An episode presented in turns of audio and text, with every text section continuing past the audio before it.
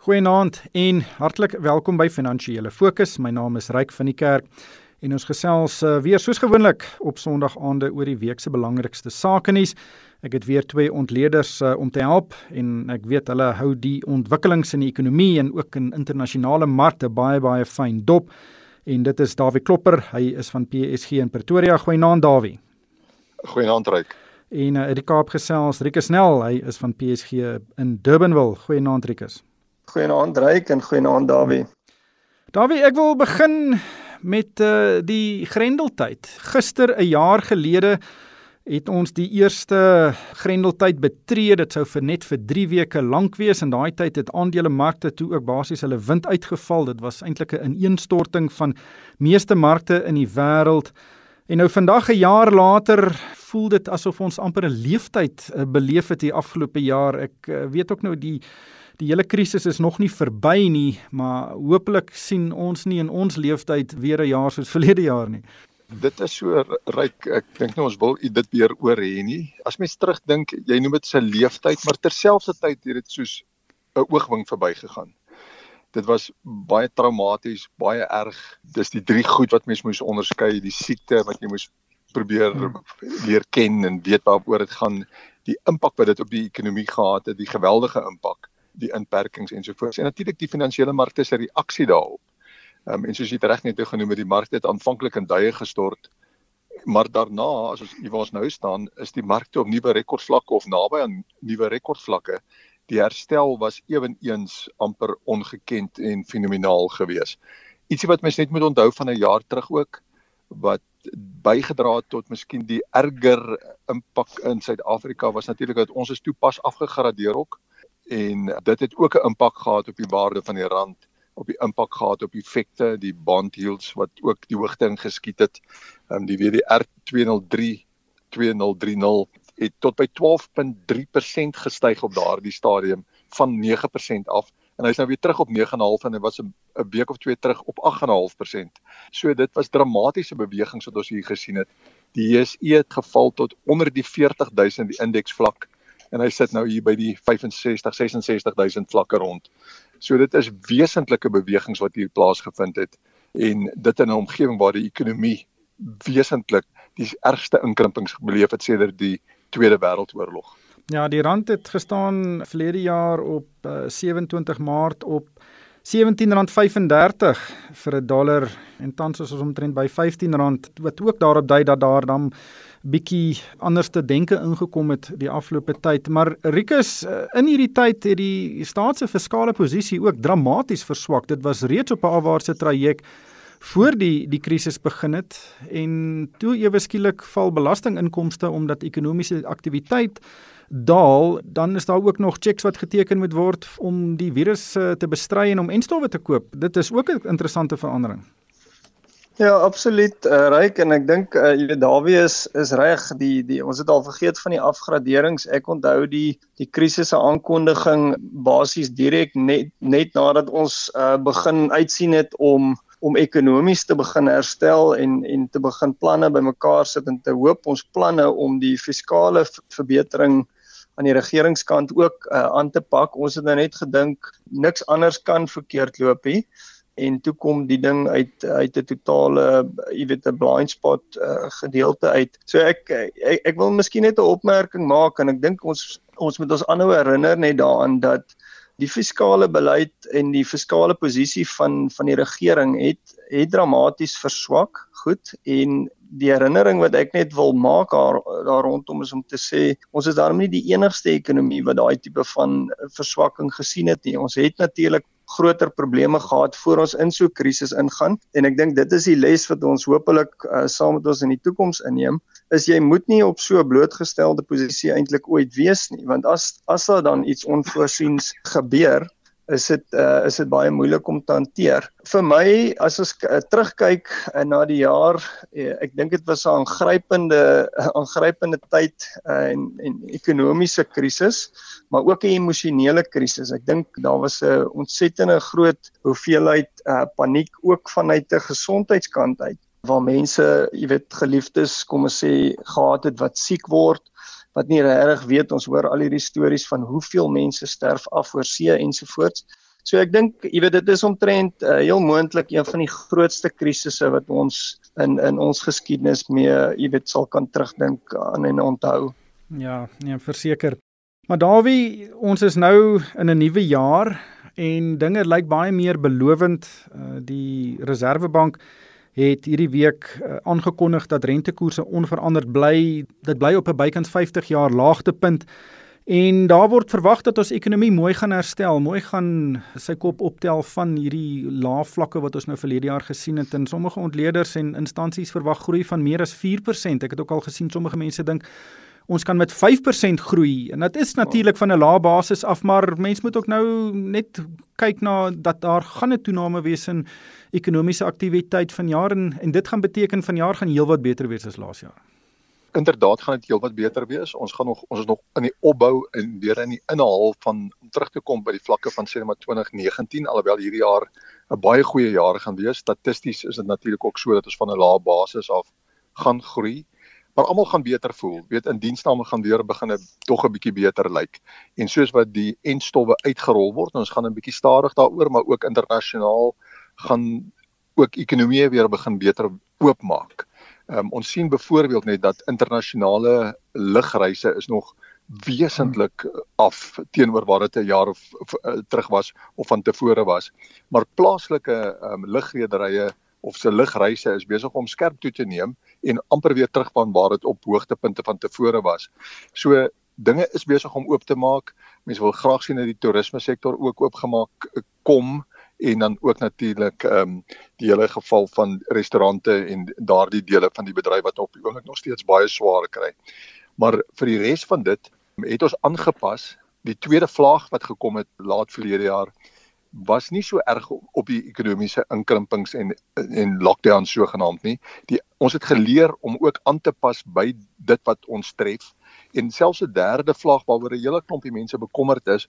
Ek dink ons gaan dit beter kan hanteer as van tevore. So die impak ja. gaan kleiner wees. Dit is nie goed om dit te, om om te hoor daar word nog daaroor gevrees nie en dit is dit gaan nie goed wees as dit kom nie, maar ten minste gaan ons dit beter kan hanteer en gaan ons gaan begin oor vorentoe kyk na 2022 toe en selfs verder as dit. En dit is net hier dink ek moet mens net ook gaan miskien kyk wat het in 1919 gebeur na die groot griep, die Spaanse griep.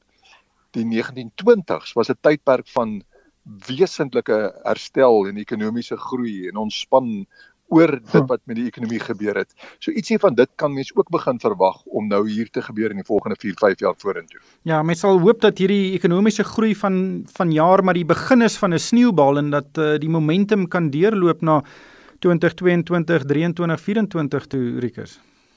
Ja, ek dink uh, ryk vir my is die grootste uh, storie eintlik in COVID is eintlik China. Daar's 'n reuse uh, omwenteling eintlik in rotasie wat dalk jy weet nie so duidelik is of nie so duidelik uitgelig word nie vir my ek wonder jy weet hoeveel hoeveel mense is bewus daarvan dat China glad nie 'n ekonomiese te negatiewe groei syfer gehad het in in 2020 nie hulle is die enigste groot prominente ekonomie wat wat positief gegroei het met 2.3%. Nou as ons praat van China, hulle gaan ons definitief uh, aan die Suid-Afrikaanse herstel ook help. As ek dink aan China wat wat mik vir 'n 6% groei, dan dan hoor ek onmiddellik hulpbronne wat hulle benodig.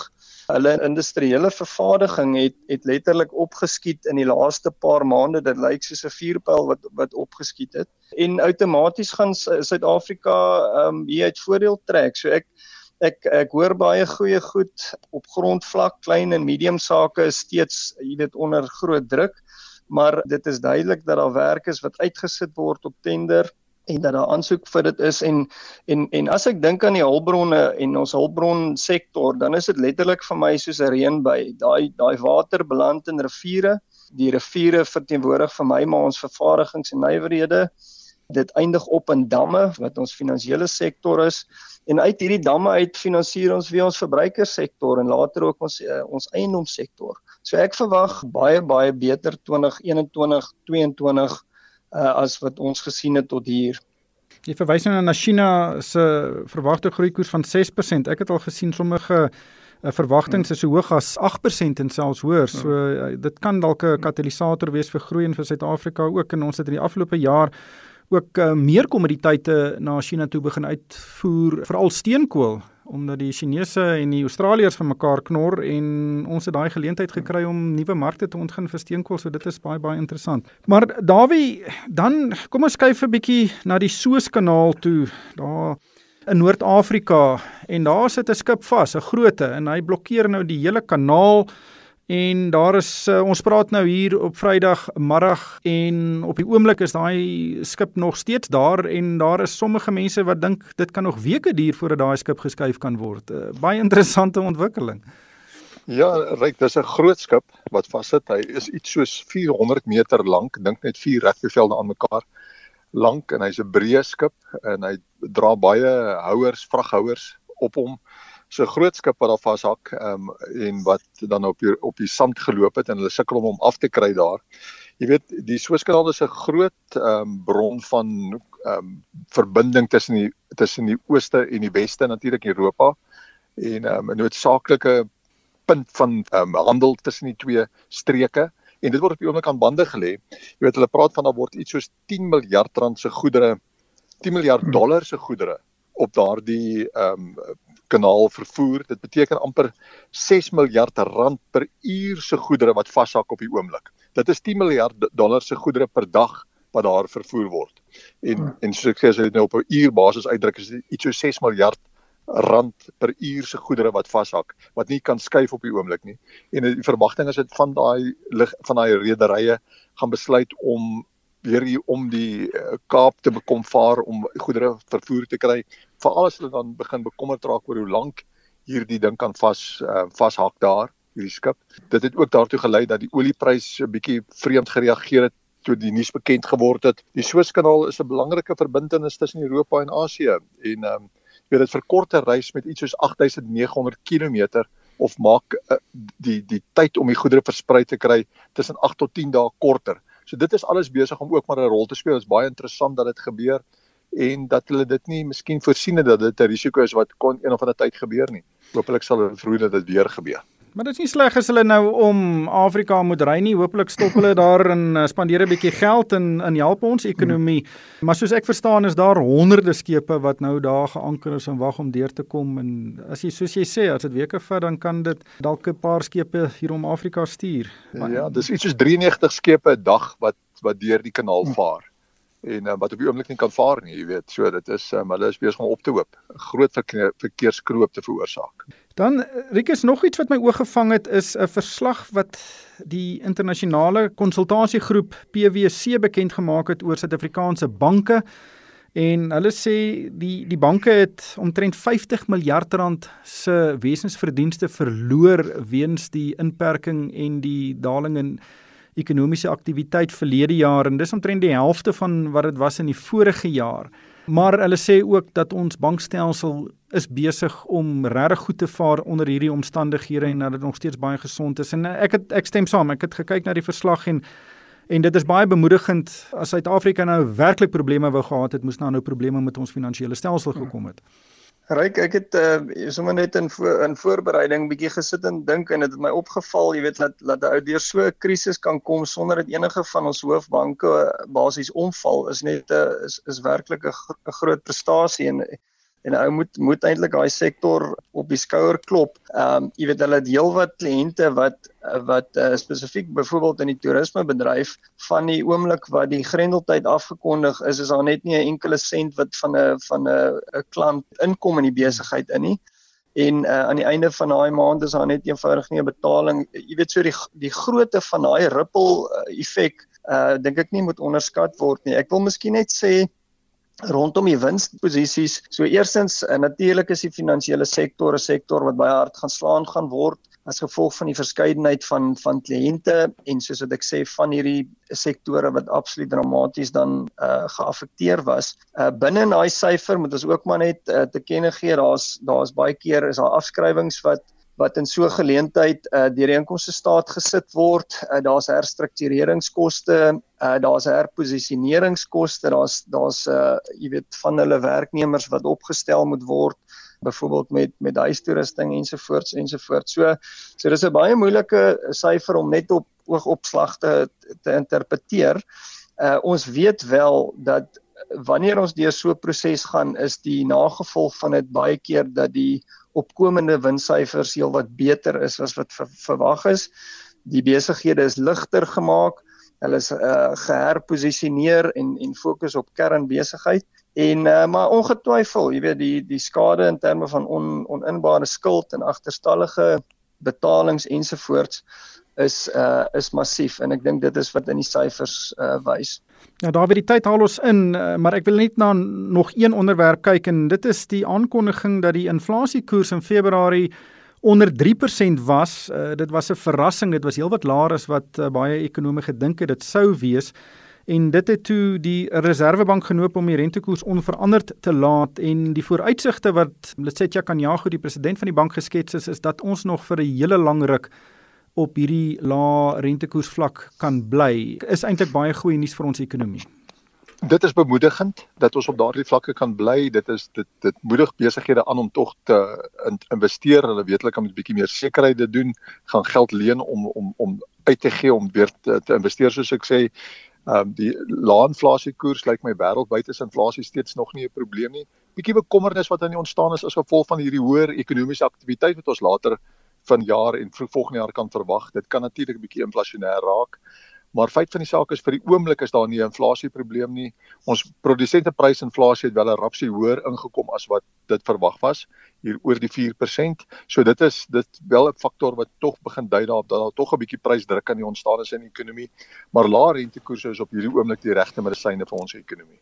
En daarmee gaan ons met Altroep. Dawie, baie baie dankie vir jou tyd vanaand. Dit was Dawie Klopper en Rikus Nel het ook saamgesels. Albei is van PSG. En vir my ryk van die kerk, dankie vir die saamluister en ek hoop almal het 'n winsgewende week.